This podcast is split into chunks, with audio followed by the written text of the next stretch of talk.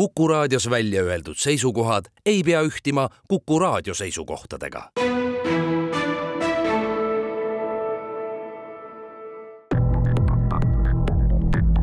krimiraadio, Krimiraadio. head kuulajad, eetris on värske Krimiraadio. nagu alati, on stuudios ajakirjanikud Raul Ranne ja Karel Reisenbuk ning eksperdina on meil abiks endine tipp-politseinik ja kirjamees Andres Anvelt tänane Krimiraadio keskendub tööle prokuratuuris, ent mitte ainult tänase saate otsene ajend tuleb uudisest, et äh, justiitsminister Kalle Laanet nimetas esimesest jaanuarist ametisse uue Põhja Ringkonnaprokuratuuri juhtivprokuröri mm., kes seni töötas ringkonnaprokurörina Virumaal. meil on suurim heameel mm, saates tervitada uut äh, Põhja Ringkonnaprokuratuuri juhtivprokuröri Priit Heinsood, tere tulemast Krimmi raadiosse! tere! Priit Heinsoo, öelge, kes täpselt on äh, ringkonnaprokuratuuri juhtivprokurör, kas ta on selle asutuse kaanenägu või inimene, kellele usaldatakse kõige keerulisemad asjad, noh, püüame seda kuulajale selgitada mm. -hmm. ma pigem ütleksin, et, mitte nüüd kaanenägu ja, ja, ja kindlasti talle ei usaldata mitte selles mõttes neid kõige mahukamaid või keerukamaid asju, vaid juhtivprokuröri roll äh, on eelkõige äh, olla koos vanemprokuröridega, kes on siis osakondade juhatajad, äh, nendeks või selleks meeskonnaks, kes ühelt poolt toetavad just nimelt neid prokuröre, äh, kelle laudadel on erinevad kaasused, mõned lihtsamad, mõned keerukamad, kes loovad selle keskkonna, et nad saaksid edukalt oma tööd teha ja kes loomulikult toetavad neid äh, nende keerukates ja rasketes otsustes, mis menetluse kestel tuleb vastu võtta aga see kaane näoks olemine, et kui tulevad noh, küsimused näiteks ajakirjanikelt mingisuguse üld, ühiskonnas laineid löönud juhtumi kohta, kas siis juhtivprokurör on see, kes peab võtma kogu vastutuse ja astuma siis nagu öelda ajakirjanike ette ja andma siis vastutuse, vastuseid? See võib olla nii ja naa, ehk siis kui me võtame prokuröri ja prokuröri rolli, siis prokurör juhib konkreetset menetlust ja tema on konkreetselt selles kaasuses ka süvitsi sees. kindlasti see prokurör, kes äh, menetlust juhib, tema äh, saab olla selleks vahetuks allikaks äh, ka ajakirjandusele näiteks ja, ja, ja ka oma seisukohtade peegeldamiseks samuti loomulikult nii vanemprokurör kui ka juhtivprokurör kindlasti need teemad, mis ühiskonnas äh, on äh, sellise ütleme, teravdatud pilgu all, võib-olla mingid lahendid, mis paistavad ühtemoodi või teistmoodi, sõltuvalt Just. sellest, kust vaatenurgast sa vaatad, et, et siis on ka seal tõesti see roll, et selgitada, miks ühel või teisel juhul äh, käituti nii või miks ühel või teisel juhul võis olla selline lahend nendel asjadel Priit Heinso, kui lubate, siis äh, enne kui me jõuame tagasi mm, kõige selleni, mis puudutab äh, prokuratuuri ja teie siis äh, praegust ametit, siis piiluksime korraks näiteks minevikku kui ma ei eksi, siis teie mm, karjäär algas tegelikult aastal üheksakümmend kaks, kui alustasite teenistust äh, hoopis äh, politseis. no eetriväliselt äh, me saime aru, et Andres Anvelt ja Priit Heinso tunnevad üksteist ikkagi päris hästi. kuidas te politseisse sattusite? jah, tõsi ta on, et et paistab, et te olete hästi piilunud äh, selle ukse vahelt sisse, et üheksakümmend kaks aasta, tuhat üheksasada üheksakümmend kaks oli tõesti see. taustatöö on hästi tehtud. kui minu teenistus algas politseis ja eks mul ühelt poolt oli sellise õiguse, õiguskorra ja õiguskaitse vastu ka huvi varasemalt olnud, no minu teine huvi või teine pool oli seotud ka spordi ja kehakultuuriga ja noh, nagu noor inimene ikka, ega ta päris täpselt ei tea, kuhu ta nüüd kukub aga siis oli just Eesti taasiseseisvumine äh,, oli juba huvitav vaadata, kuidas tänavatel selle halli vormi kõrvale tuli see sinine vorm äh,, noored mehed, noh, tundus, et rüht on sirgem ja, ja selg on kuidagi nagu, õlg on nagu laiem ja ja eks siis natukene sellist romantikat ja, ja, ja, ja võib-olla ka sellist soovi äh, panustada just nimelt sellesse struktuuri sellel ajahetkel äh, oli see, mis, äh, mis mind on, mis mind sinna organisatsiooni viis ja ma ei kahetse seda. Andres, sinult nüüd ootame lühi, lühiiseloomustust tolla, tolleaegsele noorele politseiametnikule no minu vanuses inimeselt kuulda lühitutvustus on võimatu, ma nüüd kukun vest-, Priidust on ainult nii palju head meelde tuletada, tõesti jah, Priitu ma mäletan sügavatest üheksakümnendatest, kus me puutusime kokku erinevates kaasustes, kindlasti see puudutas mingi hetk väga palju Saaremaad, seetõttu kui ma nüüd ei eksi, paranda mind Priit, siis kui meie Keskkrimkaga tegime koostööd ja Saaremaal olid sa ju sellel ajal vist juba Krimka, eks ju, juht. Ja ma arvan, et, et see oli väga asjalik ja, ja igapäevane selline, mis nagu, nagu meeldis, et, et ei ole midagi teha, üheksakümnendatel oli probleeme ka keskringla seisukohalt, et mõned siis need pre-, prefektuurid või maakonnad olid kuidagi apaatsemad, mõnedega oli teha jälitustööd väga lihtne ja väga arusaadav, inimesed mõistsid üksteist poolelt sõnalt ja selle tõttu mul Priit on alati jäänud hästi meelde, mul on hea meel, et, et ta on nüüd eh, siis Põhja Ringkonna prokuratuuri juhtivprokuröriks saanud. Ja ühe asja veel selle eelmise väikse lõigu juurde, kus nüüd Priit rääkis sellest, kas ta on siis kaanenägu või mitte, siis ma arvan, et just kuskil kuskil võib-olla kümmekond aastat tagasi, kui mina olin ka Justiitsministeeriumiga seotud päris palju, siis me just hakkasime sisse ütleme niimoodi, juurutama seda põhimõtet, et mitte ainult prokurörid, aga ka kohtunikud tegelikult julgeksid ja tahaksid rääkida, selgitada avalikkusele öö, eh, oma menetlus oleva kaasuse tagamaid, põhjuseid ja nii edasi, edasi, nii edasi. ma arvan, see on tänaseks päevaks palju-palju paremale tasemele jõudnud ja ma loodan seda ja ma olen kindel, et me Priitu näeme nii ühte või teist asja selgitamas, miks te niimoodi tegite või teinud Andres Saaremaad nimetas kriminaalpolitseist Saaremaal tõepoolest eh, olite, aga parandage, kas te tulite Saaremaale hoopis ka juba siis Ida-Virumaalt? jaa, tõsi ta on. Te alustasite siis oma karjääri Ida-Virumaal? ma alustasin oma karjääri Ida-Virumaalt, ma alustasin äh, äh, Ida-Viru politseiprefektuurist ja, ja täpsemalt siis toona Kohtla-Järve politseijaoskonnast ja jälitusinspektorina Ida-Viru teadagi oli üheksakümnendate alguse ja võib-olla kõik üheksakümnendate aastates üleüldse selline noh, ütleme kriminaalne põrgu, kus toimusid kõige raskemad ja kõige verisemad teod ehk Saaremaa tundub, et oli rahulikum koht, et kui nüüd te meenutaksite üheksakümnendaid ja Saaremaad, mis põnevat seal siis toimus? Ja kui me võime tõesti öelda, et, et kui me võrdleme üheksakümnendate Ida-Virumaad ja üheksakümnendate Saaremaad, siis vägivaldsuse mõttes need ei ole kahtlemata võrreldavad. Äh, kindlasti nad ei ole võrreldavad ka selles mõttes, mis on nagu majanduskeskkond, küll aga tule, küll aga Saaremaad, kui võtta, siis siis äh, üheksakümnendad olid ju teatavasti selline keskkonna muutuse ja majanduse ümberjagamise ajad, kus kõik asjad ei olnud veel päris selged, et millised reeglid kuskil on, kuidas, kuidas toimetada. ja, ja, ja seetõttu noh, ikkagi Saaremaal ikka suured tööstused, kui me kalatööstuseid näiteks võtame, noh, selles mastaabis too aeg ja, ja seal erinevad ümberjagamised, erinevate ettevõtete nii majanduslangusest tulenevad küll ka pankrotimenetlused, mis olid ju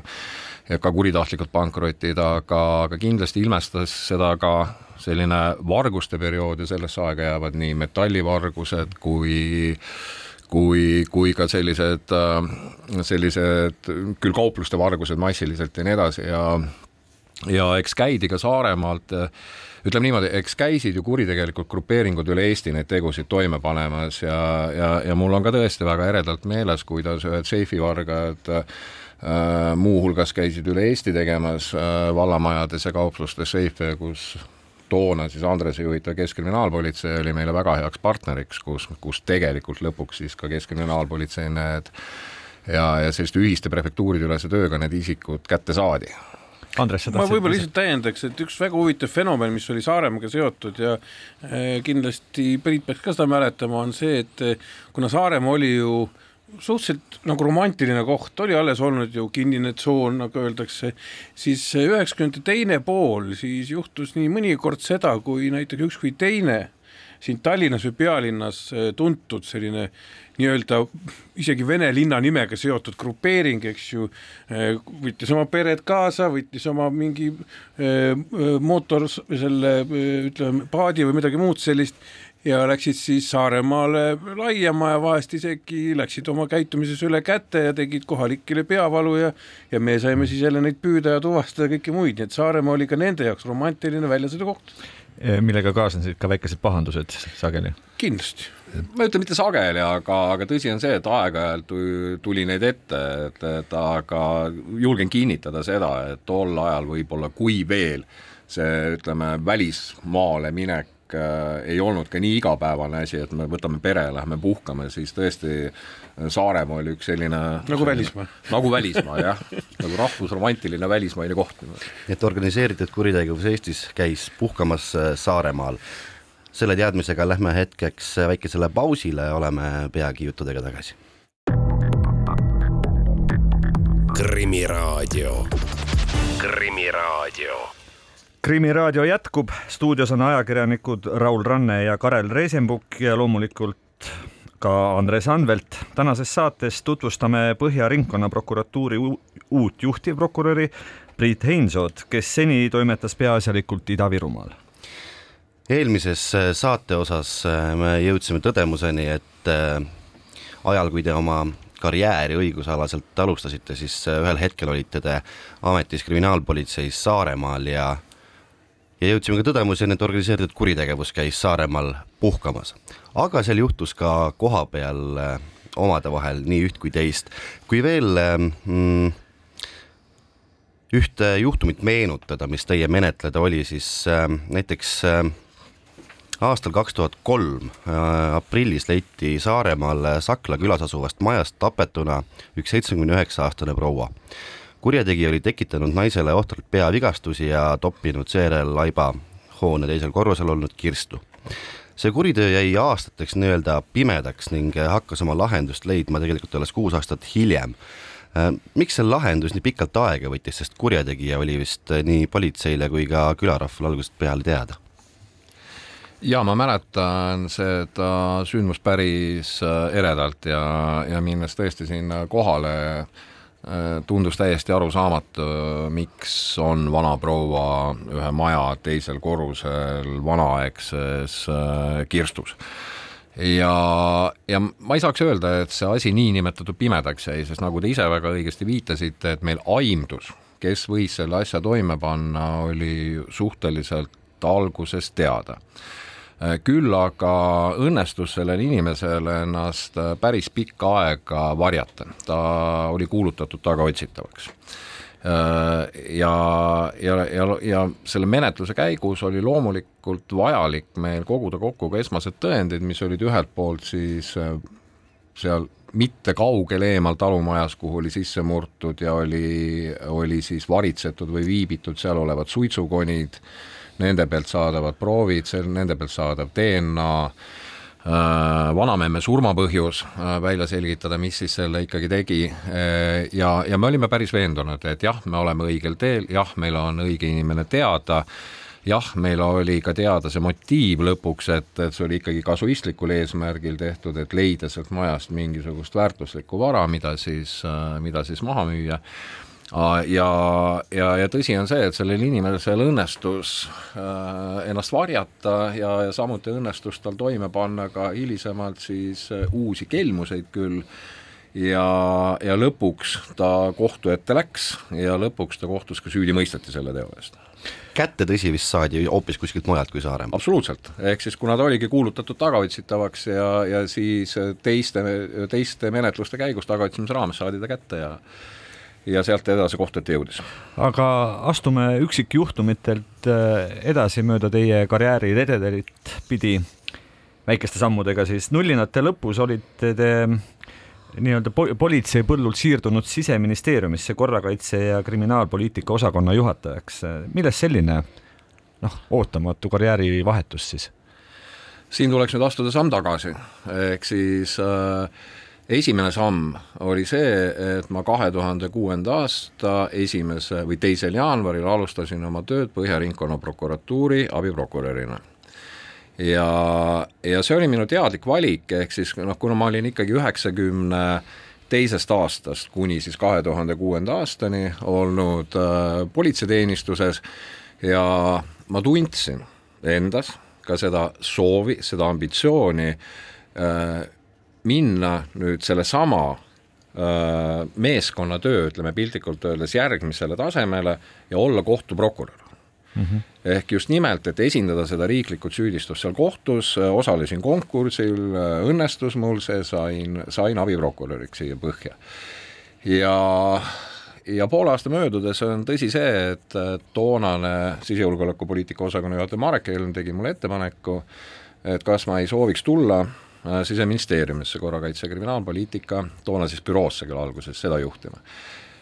ma võtsin natukene mõtlemisaega ja ma leidsin, et see on hea võimalus näha tegelikult selle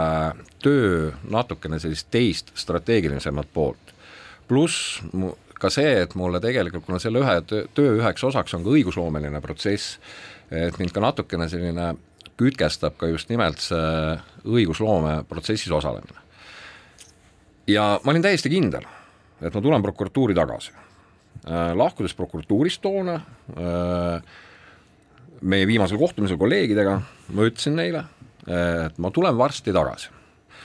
nüüd tulles tagasi uuesti kahe tuhande kahekümnendal aastal prokuratuuri, oli, oli veel töötamas neid inimesi, kes seda eredalt mäletasid ja mul on hea meel tõdeda, et nad ütlesid nii tore, et sa oma lubadest ei murdnud ja tulidki tagasi. aga ikkagi aega läks ja aastaid? aga aega läks, sellepärast et see oli, see oli tegelikult äh, see kaheksa-aastane rännak siis äh, Äh, ministeeriumi, ministeeriumis, see oli huvitav rännak ja, ja, ja see tasus kindlasti ära. Andres, sul on siin? jaa, ma ühe asja toon siia, sellise väikse saladuse toon juurde tollest ajast, kuna mina siis selleks ajaks äh, kandideerisin teise kohta Riigikokku ja sain Riigikogu õiguskomisjoni liikmeks, olles opositsioonis. ja nagu me teame, need kirjutamata reeglid, nagu tänapäeval on, on see, et, et Äh, ministeeriumid kui äh, valitsus, eks ju, aparaat aitavad ametlikult aktiivset koalitsioonipoliitikat, siis meie kohtusime ikkagi Priiduga üks ja teine kord, ütleme mina, mina kui opositsionäär ja tema kui õigusloomadega tegev inimene, siis nagu öeldakse, kuskil kohvikutes ja arutasime õigusloomet, et kuidas ma saaksin paremaid mingeid muudatusettepanekuid et teha. mitte öelda, et mõjutasid protsesse veel vaikselt ei, vastupidi, tegelikult Priit mõjutas läbi minu protsessi, et selles mõttes, et me saime ka opositsioonile äh, kõlavama hääle no nagu siin juba räägitud, et äh, te olete palju oma tööelus, äh, Priit Heinsalu, pühendunud äh, korrakaitse ja kriminaalpoliitika arendamisse. no milline on olnud teie jaoks võib-olla selline kõige olulisem muudatus või reform, mille te olete suutnud ellu kutsuda või, või uhke olete äh,? muudatusi kutsuvad, kutsub ellu keskkond eelkõige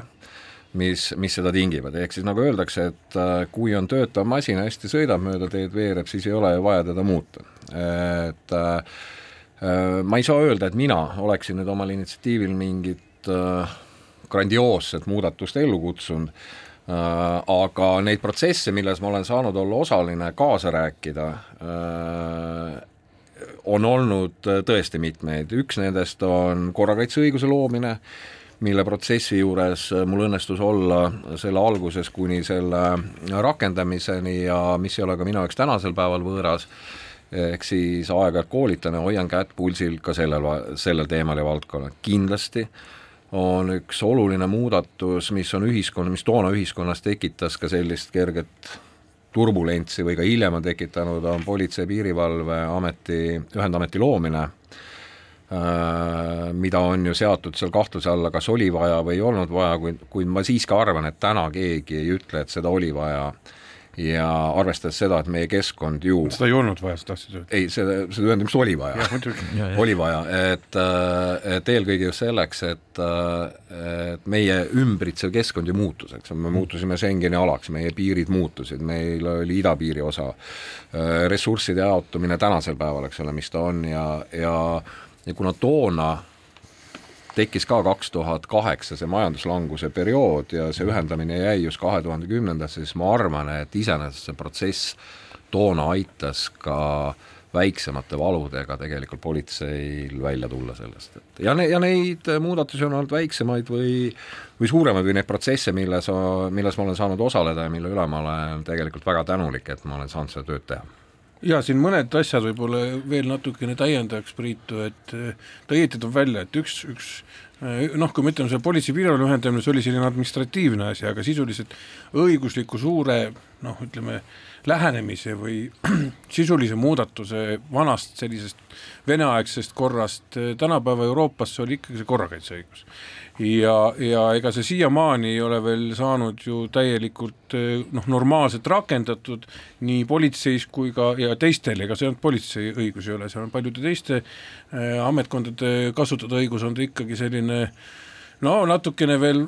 pahasti vastu võetud ja minul kahjuks eh, tookord justiitsministrina ma pidin eh, selle rakendamist ellu viima ja siis sammu tagasi astuma, sellepärast et see eh, metsik vastasseis ühiskonnas, mis tuli, mis tuli ennast korrakaitseõigusest, näiteks alkoholi tarbimine avalikus kohas, viidi, olin sunnitud sellega tagasi minema, ma ei ole ise siiamaani nõus, aga see surve oli ka erakonnasisene ja koalitsioonisisene, et muuda see taas ära, sest mõte oli selles, et kui inimene ei sega, sa lähed, ma ei tea, oma elukaaslase kaasa kuhugi äh, piknikut pidama, jood seda veinikest, aga seda võeti kohe kui kohustust, et see on nüüd kohustus, riik pani kohustuse hakata alkoholi jooma avalikus kohas just, just. ja, ja siis me pidime seda tagasi pöörama, nii et, et, et Priit oli edumeelsem ja mina pidin natukene seda tagurdama siis garaaži tagasi kergelt ja täna ongi see kummaline olukord, et lähed oma toreda kaaslasega rannaliivale päikeseloojangut nautima ja põhimõtteliselt sa ei tohiks seda veenikest kaasa võtta. no siin mängib teist asja muidugi see, et politseil on ka kaalutlusõigus, eks ju, kas ta hakkab just, menetlema seda või mitte, aga ikkagi see on totter. jah, mõningaid asju võib jah, tänapäeval ikkagi üle vaadata, aga see selleks, praegu on Eestis olukord, kus politsei töötab põhimõtteliselt ikkagi viimase piiri peal, kui mõelda sellele, et täitmata on circa nelisada ametikohta. kuid kui nüüd äh, poli-, uusi politseinikke sellises tempos peale ei tule, kui vanad lähevad, siis on olukord seda hullem, et mis te sellest arvate? Äh, arvestades, et te olete ju kõige muu kõrval jõudnud olla ka Politsei- ja Piirivalve kolledži direktor. ehk et tuttav teema. Äh, tuttav teema ja siinkohal ma pean nüüd kasutama seda, et kaks nädalat tagasi, enam-vähem paar nädalat tagasi öö, kas ühes arvamusartiklis või intervjuus ütles tänane Sisekaitseakadeemia rektor Kuno Tammearu äh, seda, et Sisekaitseakadeemia läheb edasi suuremana kui kunagi varem. ja politseiametnik äh,, politseiametniku õppesse võetakse kaks korda rohkem inimesi vastu äh,. mis tähendab seda ja ja kui ma natukene ka vaatasin mingi aeg tagasi, et mis oli viimase vastuvõtu konkurss, siis siiski konkurss oli võib-olla mitte nii muljetavaldav, kui ta oli kümmekond aastat tagasi, aga, aga piisav, et tekitada valikut. Ja nüüd, kui ma saan õigesti aru, on olemas need ressursid, et vastuvõttu tõesti suurendada. Ja ma väga siiralt loodan, et, et see on üks võimalus, mis annab annab äh, seda jõudu juurde, seda politsei isikkoosseisu ka sellel määral täiendada. aga jätkame teemaga pärast väikest pausi Krimiraadio. krimiraadio. krimiraadio jätkub, stuudios on ajakirjanikud Raul Ranne ja Karl Reisenbuk ning eksperdina endine tipp-politseinik, poliitik ja kirjamees Andres Anvelt. ja tänase saate külaline on Põhja Ringkonnaprokuratuuri uus juhtivprokurör Priit Heinso Priit Heinso, me enne pausile minekut rääkisime sellest, et on äh, häid uudiseid uute politseiametnike äh, nii-öelda koolitamise asjus. samas mulle meenub, et mitte ammu äh, endine politseijuht Elmar Vaher ju oli üks neist, seal oli teisi, kes sama mõtet jätkasid, et, et kinni tuleks panna Paikuse politseikool. kuidas see nüüd sellesse pilti mahub, see, see pool ja siis see nii-öelda aina rohkemate politseiametnike koolitamise pool? No kui nüüd vaadata selle taha natukene, mida Elvar Vaher toona ütles ja ta seda kirjeldas, oli ka see, et et minnes ühiselamusse, näen ma sedasama väsinud linoleumi nendesamad äh, kinni löötud plekiliistudega, ehk siis, äh, ehk siis see õppekeskkond on amortiseerunud. Äh, selles osas kindlasti kindlasti on ju see kriitika õige. Jah, sinna on tehtud ka mõningad uuendused, ta on ju saanud Äh, kaasaegse lasketiiru taktikalise, äh, seal oli või on õigemini ka hea võimalus põhimõtteliselt autoõppeks ja, ja alarmsõiduks, et aga aga kindlasti on küsimus selles, milline võimalus ja võimekus on seda kvaliteetset õpet pakkuda nende treeningkeskuste näol. fakt on see, et Kase tänavale kõik see ära ei mahu, mida no,, mida treeninguteks vaja on siia Piritale Äh, ja Sisekaitseakadeemial on ju veel, asukoht on ju Väike-Maarjas. Väike-Maarjas on terve suur polügoon, treeningpolügoon tegelikult olemas, siis on ka õppekeskus on piiri ääres meil Narvas. ja, ja eks summa summarum, siis küsimus ongi selles, et kuhu logistiliselt kõige parem taristu välja ehitada, kui selleks on vahendid olemas. ja, ja võib-olla tõesti äh, on ühel ajahetkel kohane ka seda arutada taas uuesti, see ei ole uus mõte, et paikuse kinni panna, et seda tulebki teha äh,, aga tänasel päeval, hetkel, kui me ütleme, et meil seda piisavat taristust ei ole, aga kui ambitsioon on kahe, kahe kordistada tudengite vastuvõttu, siis hetkel see ilmselt ei ole ei ole mõistlik tegevus ja, ja eks see kõik ongi Sisekaitseakadeemia selline arengu küsimus vastavalt sellele, millised investeerimisvõimalused on Andres no., sul oli midagi lisada? jaa, kuna ka minul on äh, olnud au olla äh, äh, kolm või neli aastat või viis, ma ei mäleta, neli, politsei, siis veel politseikolledži direktor, siis ma ütlen kohe ära seda, et, et ega see paikus oli ka siis üleval, aga paikus on tihtipeale, vot ühte asja me siin, Priit toob välja ka selle, et, et kuidas investeeringuid kasutada ja milliseid valikuid teha, aga ütleme ausalt, et paikus on olnud omamoodi ka regionaalpoliitiline objekt no täpselt samamoodi nagu Narva kolledž. no seda küll, aga Paikuse ajalooline regionaalpoliitik, poliitiline, ütleme siis minevik on palju kaugem, eks ju. ja see on nagu üks asi, samas Paikuse enda asula arenguga on tekkinud sellele vastuolu, et äh, ise politseikolledži direktorina olen ma käinud kunagi äh, vabandamas inimeste ees, kellel on lasketiirust kuulid aknasse lennanud või, või siis auto, auto ütleme, see rada siis segas inimeste, eks ju, rahulikkust, elu ja nii edasi, nii et ma ise pooldan muidugi seda mõtet täpselt samuti, et ja, ja siin Kuune Tammaru, ma arvan, oma ka selles lähenemises, noh, paikuse suhtes oli ta natuke vähem optimistlik, et see peaks nagu kuskil ära kaduma, aga noh, teine asi on tõesti kasutada ühiseid võimalusi, näiteks pääste- ja politseikolledž, see Väike-Maarja minu meelest on suur tulevik selline, seda, seda diskussiooni ma hakkan karta, aga veel kord ma rõhutan, et tuleb natukene võib-olla see regionaalpoliitiline moment ühe või teise eh, ka riikliku kooli puhul, nii nagu ka gümnaasiumitega, riigigümnaasium, tuleb natukene eh, tahaplaanile panna, ei ole midagi teha. Mm no nüüd on äh, enam-vähem äh, Priit Heinsoo karjääriga jõutud äh, tutvuda, aga tuleme saate peamise ajendi juurde. nimelt alustasite te aasta alguses Põhja Ringkonnaprokuratuuris juhtivprokurörina. no me siin enne juba mainisime, et oli nii mõnigi tuttav nägu vastas, kuidas sisseelamine siiamaani läinud on? sisseelamine on läinud väga kiiresti ja väga hästi ma olen kolleegidele ikka öelnud äh, nii huumorivõtmes äh, vähemalt kaks nädalat tagasi, et ma juba saan iseseisvalt majast välja. Ehk siis, äh, ehk siis see, et, äh, et ma olen juba selgeks õppinud, äh, kus, mis meil paikneb selles hoones, aga kõige olulisem vara, loomulikult see inimvara, mis meil on, et, et ma julgen öelda, et see on väga äge meeskond ja, ja väga tore on näha seda, kui inimesed tulevad sulle koridoris vastu ja neil silm särab ikka veel särab, sest räägitakse ju, et eh, prokurör, prokuröridel on väga palju tööd, noh, sageli pruugitakse sõna ülekoormatud ja Põhja ringkond on väga suur ja siin juhtub väga palju asju. kas te ei karda, et eh, need silmad, ütleme teie silmad siis mingil hetkel tuhmuvad selle suure töö all? Kahtlemata on Põhja prefektuuri teeninduspiirkonnaks Harjumaa ja, ja, ja Harjumaa, kui me vaatame nagu kuritegevust tervikuna, siis ta annab poole kogu Eesti kuritegevusest. aga ei saa jätta märkimata ka seda, et tegelikult meil on märkimisväärne inimvara, inimressurss siin, kes sellega tegelevad. ja, ja kindel on see, et teatud valdkondades äh, on tõesti äh, ka prokuröride töökoormus, ka uurijate töökoormus, julgen ka väita, et kohtunike töökoormus on, on siiski päris kõrge. ja, ja kui te va-, ennem ka küsisite, et mis on see juhtivprokuröri roll, ega siis juhtivprokuröri roll koos vanemprokuröridega ongi leida nüüd need lahendused, kuidas äh, seda, selle koormusega toime tulla, kuidas seda koormust hajutada moel, et need inimesed läbi ei põleks ja et see sära nende silmis ei tuhmuks. see ei ole lihtne ülesanne, kahtlemata, aga see eeldab ka seda, et me vaatame väga selgelt üle ja püüame eristada olulist e ebaolulisest ja suunata oma menetlusressursi ikkagi sinna, mis on oluline ja olulist mõju omav äh, kuritegevusele Teie eelkäija oli äh, Saskia Kass, kes äh, siirdus äh, Ida-Virumaale, no millised kingad ta teile jättis, ma ei küsi, kas nad olid kontsaga ja mis värvi?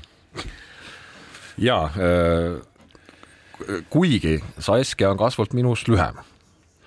siis need kingad, mis ta mulle jättis, on päris suured. Et selles ei ole kahtlustki, ehk siis Saskia on loonud väga tugeva ja töötava meeskonna siia ja, ja sellise meeskonnaga edasi liikuda äh, on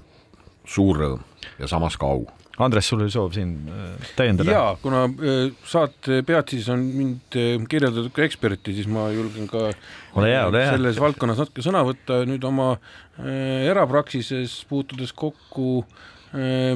mitmete kaasustega, kus ma siis koos advokaadid, advokaatidega esindan enamuses siis erinevaid kannatanuid, siis julgen ma öelda ühte asja, et üks asi, vähemalt mis minu pilku on jäänud, see eeldab kindlasti sügavamat analüüsi, on, on kahjuks see, et, et seesama, mis Priit ütles, et meil on veel päris palju ära teha selleks, et menetluse, nagu öeldakse, ökonoomik, efektiivsus oleks jaotatud vastavalt vajadusele muidugi siin on palju seadusest tulenevad piirangud, kõike peab menetlema ja nii edasi, aga kui ma näiteks heidan pilgu peale kaasustele, kus aastaid näiteks kaks äripartnerit, kes lihtsalt ei ole jaganud oma vara ära, kirjutavad massiliselt üksteise peale kriminaalmenetluse avaldusi mm -hmm. ja, ja kus sisuliselt prokuratuur ja uurijad on no sunnitud menetlema tegelikult peaaegu tsiviilkaasust.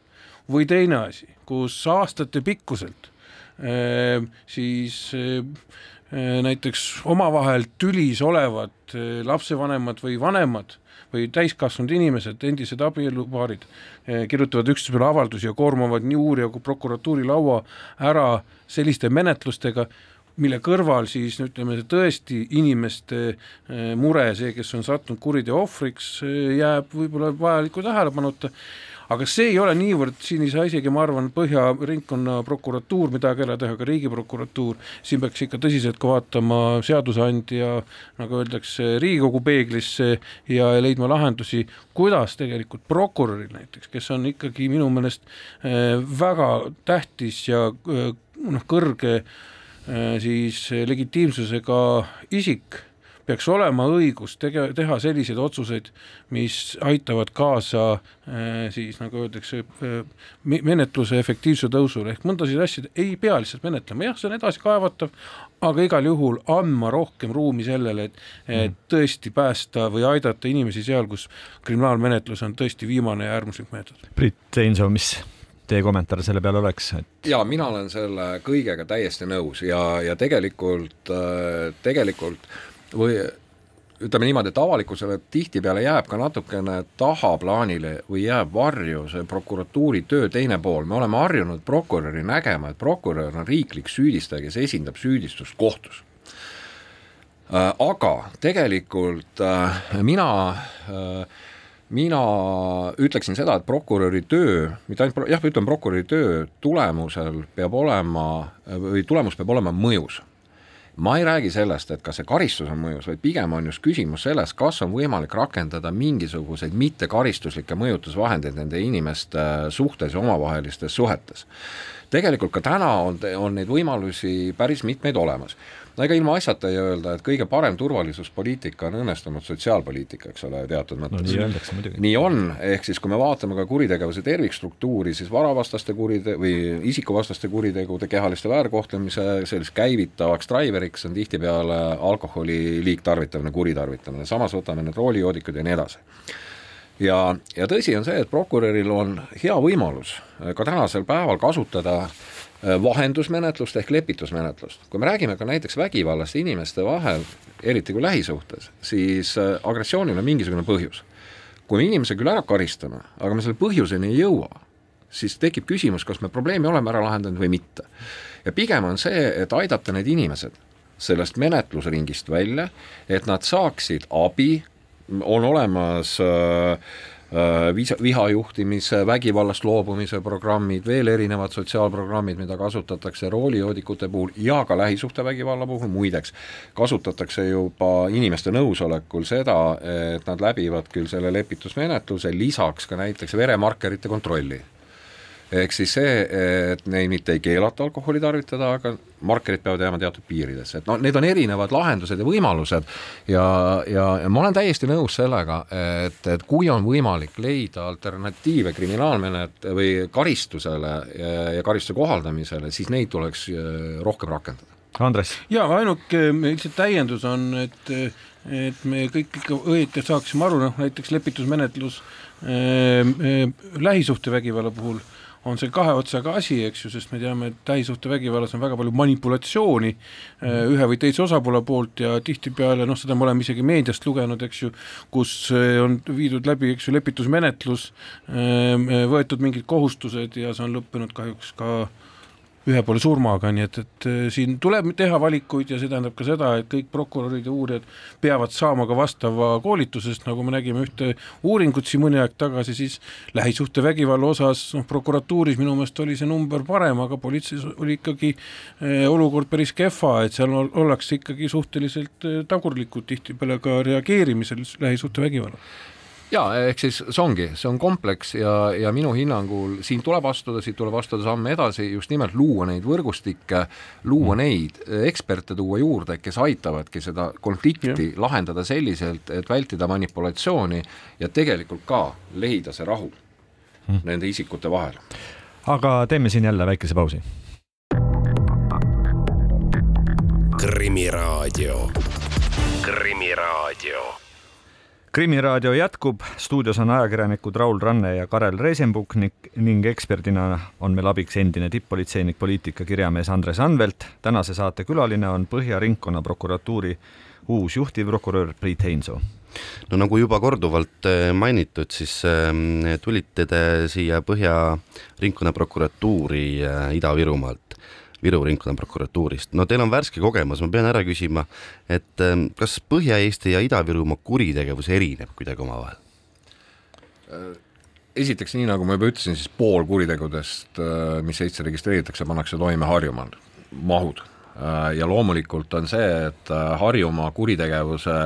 palett on kahtlemata meeletult värvikirev, et siia, siia me ikka mahutame suure osa karistusseadustiku eriosast ära ja, ja võib-olla selline noh, iseloomulikum, kui me vaatame ka üldist statistikat, et äh, siis jah, vägivallakuriteod äh, on, on Virumaal probleemiks ja küsimuseks, kindlasti varavastased kuriteod, mis on. Ja, ja eks seal ole ka samuti, et kui me vaatame seda majanduskeskkonda, suuri majandusettevõtteid, siis, siis ka nendega seonduvad kuriteod on siiski need, mis mis seal pilti tulevad? Eh, viimasel ajal on ajakirjandusest jäänud mulje, et ka küberpetturid on oma eriliseks sihtmärgiks võtnud just nimelt Ida-Virumaa inimesed või seal elavad inimesed. on see tõsi ja, ja on see ka nii-öelda politsei vaates või prokuratuuri vaates nähtav tendents? jaa, sellel on täiesti täiesti seletus või selgitus olemas, ehk siis eesti keel on ikkagi väga unikaalne keel, see on salakeel, mida räägib ikkagi alla miljoni inimese laias laastus või miljoni ringis. aga sellised petuskeemid äh, on ikkagi globaalse, rahvusvahelise organiseeritud kuritegevuse osa ja, ja seetõttu on ka need venekeelsed äh, kõnekeskused ja venekeelsed sõnumid, et, äh, et see on, see on see, millega lihtinimesi siis püütakse. Ja kui me ju teame, et, et Narvas näiteks on ju pelgalt viis protsenti, natukene peale eestlasi, ülejäänud on venekeelne kogukond ja kogu Ida-Virumaa, siis on ka loogiline see, et need kelmused on suunatud sinna. mis ei tähenda seda, et meil Harjumaal neid ei oleks, jah, on ka, ja kahjuks nii tehnika arenedes tuleb ka juba kõnerobotite ja muude abil ka seda eesti keelt siia juurde, et, et paraku see nii on no me oleme oma eelnevates saadetes ka väga palju sellel teemal tegelikult äh, peatunud. kõik nagu pingutaks ju pealtnäha nii, et ninast veri väljas kõik õiguskaitseasutused, et äh, sellele massiivsele lainele kuidagi nii-öelda näpp peale saada, aga erilist tulemust äh, ju tegelikult, oleme ausad, ei ole, et miks selle vastu nii pagana keeruline võidelda, kogu selle küberkuritegevuse vastu? Äh, ma toon teile ühe näite siia, ütleme sissejuhatuseks ütleme niimoodi, et tegemist on ühe kliki kuriteoga piltlikult öeldes, et ja see on organiseeritud kuritegevuse osa, kus täna siin ma mõtlesin, tegin kliki, minu raha on sekundi pärast Saju saartel piltlikult öeldes. küll aga, küll aga ka ajakirjanduses käis läbi mõningad arvud siia juurde, et mõni aasta tagasi Eesti eestvedamisel äh, viidi läbi üks politseioperatsioon, kus kuus riiki konfiskeeris viiskümmend üks serverit, mis halvasid vähemalt kahekümne ühe kõnekeskuse töö, tuvastati vähemalt kolmkümmend tuhat kannatanut hmm.